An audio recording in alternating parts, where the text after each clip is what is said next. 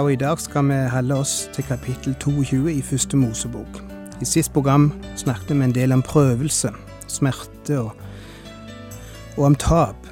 I dag skal vi se hva som ofte skjer etter en prøvelse, når lyset igjen kommer tilbake, når gleden og tryggheten igjen finner sin plass. For det skulle være det normale. Gud vil at vi skal være glade.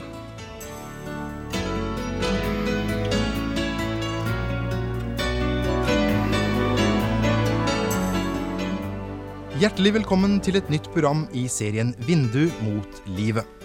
Vindu mot livet er basert på programserien Insight for Living ved Chuck Svindal. Programmet er produsert av Kristen Riksradio og blir ledet av Ola Joland.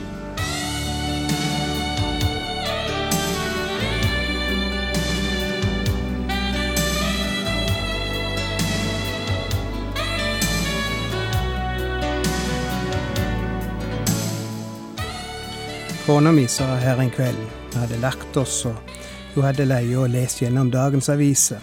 Hadde disse løssalgavisene som jeg har hatt for vane, eller uvane, å kjøpe. Og plutselig la hun avisen bort og sa jeg orker ikke dette lenger. Jeg blir deprimert av å lese dagsavisene. Det er mord og utroskap og innbrudd og misbruk og fengsling og underslag og krig og sult. Det er kun det det handler om. Men det er jo ikke heile bildet av tilværelsen. Der er det mye positivt og fint òg som skjer.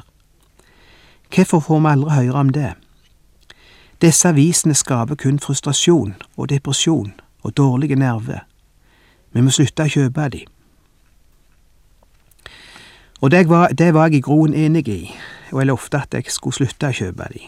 Bare i helgene skulle jeg kjøpe ei og annen jeg må jo innrømme at jeg av og til har brutt det løftet, når jeg står ved en kiosk og ser avisen med krigsoverskrift over hele første sida. Unge far drepte kone og tre barn, eller noe i den duren. Det er jo litt spennende, vet du. Vi er slik. Det negative og vonde er spennende. Det tiltrekker vår oppmerksomhet. Og mange sitter igjen med inntrykk av at alt er bare trist og tungt og negativt. Livet er fælt. Og av og til må jeg spørre meg sjøl, hvor er de positive menneskene? Hvor er de menneskene som ikke har noe vondt å fortelle, som ikke overleser deg med hvor fælt alt er, og hvor mye vondt de har gjennomgått i det siste? Hvor er de som er glade og fornøyde og lykkelige over livet? Sjølsagt, det betyr ikke at vi ikke har tøffe tider, og du må ikke tro at jeg bagatelliserer eller ser bort ifra de vonde ting som hender med mange mennesker. Jeg skal si deg, vi møter deg hver eneste veke, somme tider hver dag, i arbeidet som prester eller forkynnere. Jeg tror jeg kan si at mer enn noen annen yrkesgruppe er nettopp prestene de som får se de tragiske skjebnene i livet. Det er svært få som banker på kontordøra mi for å fortelle meg hvor herlig livet er. De fleste kommer for å fortelle meg hvor vondt livet er, og at de ikke vet hvordan de skal løse det vonde. Og av og til må jeg om kvelden bare stenge det ute, skyve det til side og si til Gud, Kjære Gud, takk for gleda ved livet. Takk for alt det gode du har gitt meg. Bare liksom for ikke å verte overvelda av det vonde, for ikke å verte dratt med av det, så må jeg begynne å takke for alt det gode Ellers vil jeg sjøl verte negativ og deprimert til slutt. Og det vil jeg ikke. Hvis jeg skulle fortsette å la de vonde skjebnene jeg møter få okkupere mitt sinn, da ville jeg blitt en deprimert forkynner. Hver tale ville blitt om lidelse og vanskeligheter og pine og smerte. La oss gå tilbake til Abraham. La oss se på hans prøvelse ifra ei positiv side i dag. Sist gang snakket vi om prøvelsen fra en negativ side, hvor vondt det var for Abraham, og smerten og frustrasjonen ved å verte utsatt for prøvelse. I dag skal vi se litt på gleda og lykka ved å bestå en prøvelse, ved å komme gjennom den. Du husker hva som hendte med Abraham her i kapittel 22 i første Mosebok. Han går gjennom livets tøffeste prøvelse, der Gud krever å få igjen den sønnen han har gitt Abraham. Og Abraham ble sjøl bedt om å bygge et alter og fyre opp elden og ofre sønnen sin, det kjæreste han har, på alteret. Og det siste vi las om Abraham sist gang, var at han lufta kniven over Isak, klar til å ofre han tilbake til Gud. Det er ingen menneske som hører meg nå, som er stått overfor en slik prøve, eller som vil verte sett på en slik prøve. Og vi snakket litt sist gang om hva denne prøven egentlig innebærer, som vi ikke skal gjenta i dag. Men iallfall, noen som leser dette, eller hører om dette, føler at de sjøl står ved et slikt alter i disse dagene. Jeg har fått noen brev etter at jeg har talt om dette tidligere, som forteller om de prøvelsene enkelte har måttet gjennomgå, og de offer de har måttet gi til Gud. Ei dame skrev og fortalte om hvordan hun mista mannen sin, og hvordan hun kjempa imot hele tida, nekta å godta det, haldt på han, ville ikke slippe han. Og før mannen døde, sa han til henne, Du må slippe meg, kjære. Jeg er klar til å flytte nå, og tida er inne nå. Du må ikke holde på meg lenger. Jeg kan kjenne at du ikke sluppet meg ennå, du ikke sluppet taket ennå. Det må du gjøre. Gi meg over til Gud nå. Det var ganske merkelig å lese dette, jeg har i groen aldri hørt noe slikt før. Men det var et annet eksempel på hvordan vi av og til i livet blir stilt på prøve, og av og til må gi opp ting vi holder fast ved. Slik opplevde iallfall denne dama det, at her var en parallell til fortellingen om Abraham. Da ropte Herrens engel til ham fra himmelen og sa, Abraham, Abraham, og han svarte, Ja, her er jeg. Da sa engelen, Legg ikke hånd på gutten og gjør ham ikke noe, for nå vet jeg at du frykter Gud, siden du ikke engang sparte din eneste sønn for meg. Det første prinsippet jeg vil dra ut av dette, er at når du kommer gjennom en prøvelse og gitt alt over til Gud, så kommer du liksom nærmere Gud. Gud blir mer virkelig for deg etter en slik prøve, mer levende, mer reell, og du sjøl kjem nærmere Han. Vi ser det så mange ganger. Mennesker som kommer gjennom store prøvelser i livet, blir ofte mennesker med et helt spesielt og nært forhold til Gud. Jeg må tenke på en som Didrich Bonhoffer, for eksempel, en kjente tyske teolog som ble drepen av nazistene i 1945, bare noen dager før kapitulasjonen. Og noe av det han har skrevet, vitner om en mann som har et helt spesielt forhold til Gud. Et intimt, nært og åpent fellesskap. Eller Corrie ten Boom, som har blitt spesielt kjente for oss gjennom filmen Skjulestedet. Et fantastisk menneske som opplevde tyskerne sin konsentrasjonsleir på det verste men som hadde en sånn utstråling at du fikk lyst til å bli bedre kjent med Gud, bare du så henne. Ikke at hun var noe geni, eller hadde sånn spesielle egenskaper, men hun gjennomgikk prøvelser av samme art som Abraham, og kom gjennom de som en nær venn av Gud, snakket om Gud som det skulle være hennes daglige omgangsvenn, og det var vel faktisk òg det det var. Gud ble mer virkelig og mer personlig for oss enn noen gang før, etter at vi har vært gjennom en prøvelse. Jeg håper ikke at dette skal være misforstått, men jeg snakket med en skilt person en gang, som hadde vært gjennom så mye smerte i forbindelse med skilsmissen og det som gikk forut for den. Og hun sa, gjennom alt det vonde som er hendt, har jeg fått et nytt og nært forhold til Gud som jeg aldri har hatt før. Jeg har fått sett så mye som jeg aldri så før, og forstår så mye som jeg aldri forsto før. Og framfor alt, jeg opplever så mye glede i sammen med Gud som jeg aldri trodde var mulig. Før var mitt kristenliv fattig, nå er det blitt rikt. Du kan la en prøvelse øyelegge deg, men du kan òg la en styrke deg og modne deg og gi deg dimensjoner i livet som du ikke hadde før. Det andre jeg lærer fra teksten her, er at Gud frigjør oss, og faktisk letter oss gjennom prøvelsen. Det gjorde han med Abraham. Legg ikke hånd på gutten, og gjør ham ikke noe. Det var bokstavelig talt en lettelse, ikke sant? En utfrielse. Og jeg tror aldri noen har jumpa så kvikt ned ifra et alter som Isak gjorde i det øyeblikk Gud greip inn og stoppet Abraham. Og du kan tro Abraham var snare til å stikke sverdet i slira. Og heile spenningen var utløst ved et befriende ord ifra Gud. Gud har en tendens til å ta presset av oss etter ei stund, fri oss ut av det. Det truende sverdet som henger over oss, blir tatt bort. Vi lever så ofte under press, og nettopp gjennom prøvelser og etterprøvelsene blir presset lettere, kanskje heilt borte. Har du lagt merke til det? Ikke misforstå meg, men det er enkelte kristne som går rundt og ser ut som de skulle bære alls, all verdens byrde på sin rygg.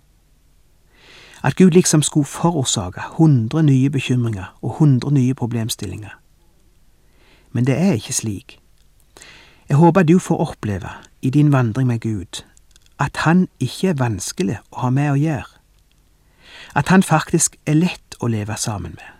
Lett å omgås, rett forstått.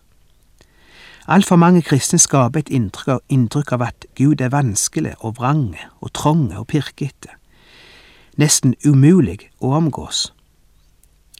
Har du noen gang vært sammen med slike anspente kristne? Du føler deg deprimert etterpå.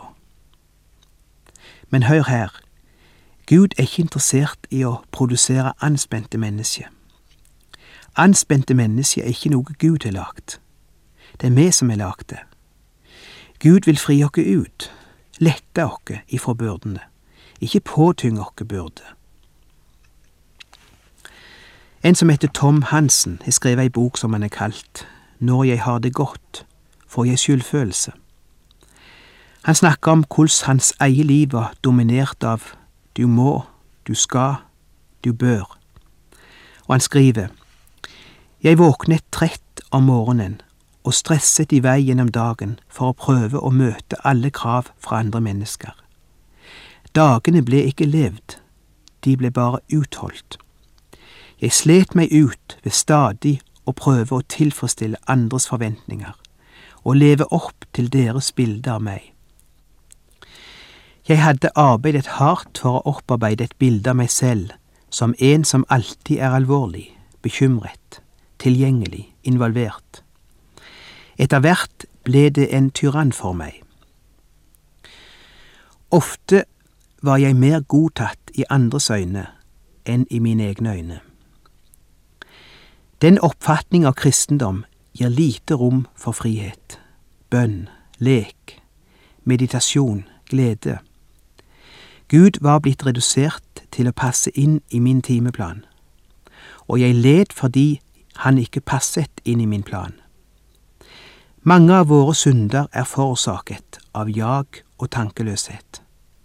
Uansett hvor god hensikten er, en oppjaget og stresset person er fremdeles en slave.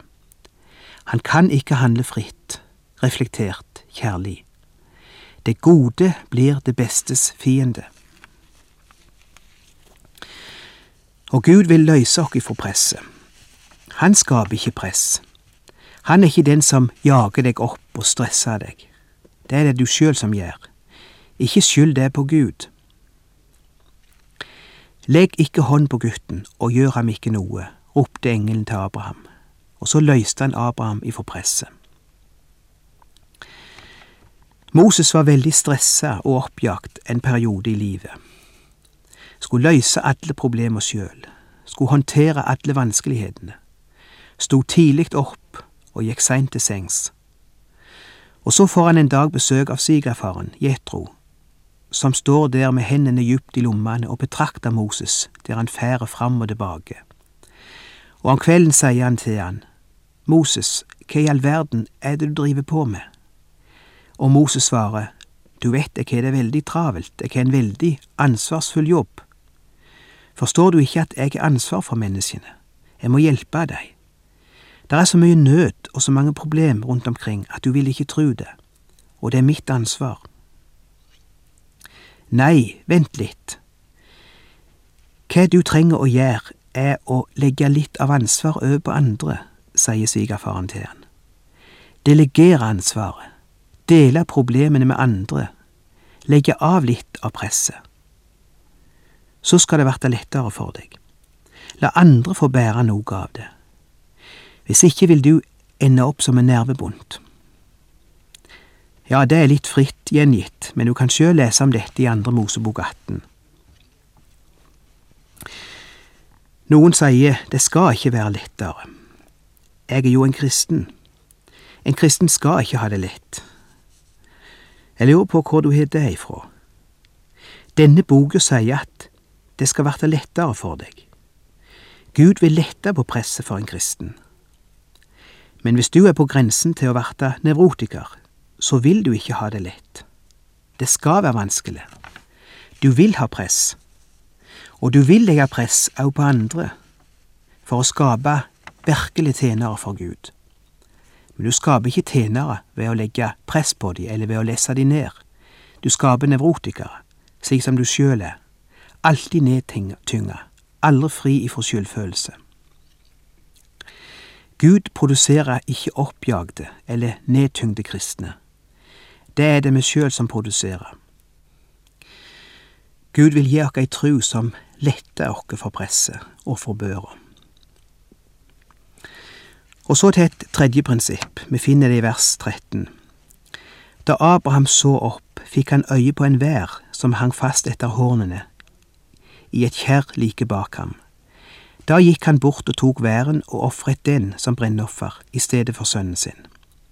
Og Abraham kalte dette stedet Herren ser. Og den dag i dag sier de, på fjellet hvor Herren lar seg se. Noen engelske bibler har oversatt dette Herren skal sørge for deg. Herren ser i betydningen Herren er oppmerksom på ditt behov, og Herren vil ta seg av det. Og det er altså punkt tre som vi lærer gjennom, denne, gjennom en prøvelse. Herren ser, og Herren vil sørge for hva jeg trenger. Der sto fremdeles et alter der, og det var ved oppå alteret, og Gud hadde forlangt et offer, men det var ikke noe offer. Det så Gud, og han sørgde for et offer. Og hvis du må gi opp noe i livet, gi slipp på noe fordi Gud ber deg om det, ofre noe, da kan du være trygg for at du skal få igjen mye mer enn du ga slipp på. Det er det som er poenget her. Det er ingen som har tapt noe på å ofre. Jeg tenker nå på ting som er ofra. Gud har alternativet. Gud er fullt av alternativet når du må gi opp en vei. Hør hva som står i vers 15. Enda en gang ropte Herrens engel til Abraham fra himmelen og sa, Jeg sverger ved meg selv, lyder ordet fra Herren. Fordi du gjorde dette og ikke sparte din eneste sønn, vil jeg velsigne deg rikt og gjøre din ett så tallrik som stjernene på himmelen og som sanden på havets strand. Tror du ennå at Gud er gjerrig? Tror du ennå at Gud ber deg gi opp den tinga, den tingen, for at han vil ta ifra deg noe? Hvis han ber deg gi opp noe, så er det for å gi deg noe, og gi deg mangedobbelt igjen. Hvis han vil du skal skjære bort den daue kvisten på greina, som bare står der og skaper sykdom, så er det fordi han vil sørge for at en ny og frisk kvist skal gro fram. Kanskje mange kvister på den plassen som den ene døde kvisten sto, sto og stengte. Ja ja, det hele koka vel ned til det vi begynte med. Ikke la det vonde eller negative i livet få makt over deg, få ta din oppmerksomhet. Avslå å la én negative ting få overskygge de ti positive ting. Det er så enkelt og nesten banalt, men det er virkelig det som skjer i mange sitt liv i dag. Av og til sitter jeg i styremøter og komiteer, og vi bruker hele tida til å snakke om problemer, eller problemet. Eh, for det er kanskje bare ett problem som samler oss til møtet den dagen, Og etter at vi har sittet der i to timer og sukka og akka over elendigheten, er det plutselig et lyst hode som sier vent litt, la oss snakke litt om det positive nå. Hvem vi virkelig har å være glade for, alt det fantastiske som er skjedd gjennom dette arbeidet. Er ikke òg det verdt å bruke litt tid på? Eller skal vi gå ut herifra nedbrutte og utslåtte? Og det er fantastisk hvilken virkning det har på oss. Hvordan det hele kan snu, hvordan det kan snu hele holdningen ifra pessimisme til optimisme. Og hvis du er på leiding etter noe negativt og trist og vondt å være opptatt av, så er nok av aviser som vil hjelpe deg med det. De vil servere deg alt du trenger for å verte triste og motløse og deprimerte. Men ikke inviter meg i det selskapet. Jeg ønsker ikke å være der. Du sier kanskje ja, men du kan jo ikke bare gløyme det vonde og bare stikke hodet ned i sanden. Jeg har ikke hodet i sanden. Jeg kan ikke huske siste gangen jeg hadde hodet i sanden. Min verden er en nokså realistisk verden, med problem og skuffelser, depresjoner og skilsmisser og sorg. Men jeg vil ikke leve der. Jeg vil fortsatt le sammen med familien min og nyte de spesielle øyeblikkene i heimen. Jeg vil fortsatt utnytte hver eneste fridag og feriedag jeg er rett på. Hver eneste en vil jeg benytte meg av.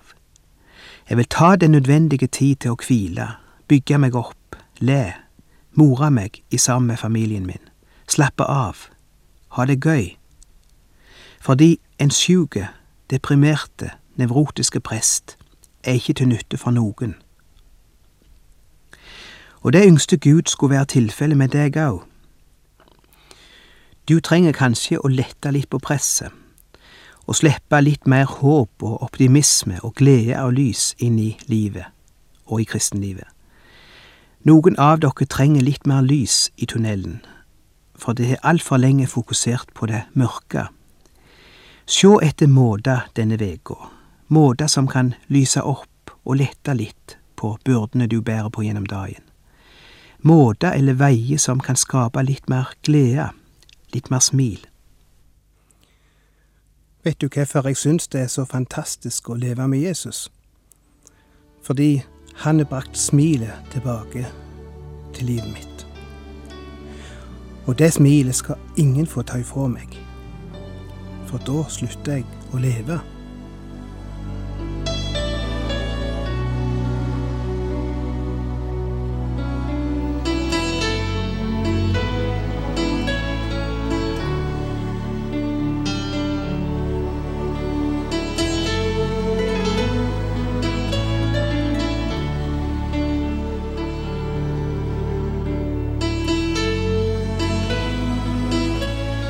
Har lytta til Ola Bjoland i serien 'Vindu mot livet' fra Kristen Riksradios arkiv. Ola Bjoland var ansatt i Kristen Riksradio til han døde i 2002.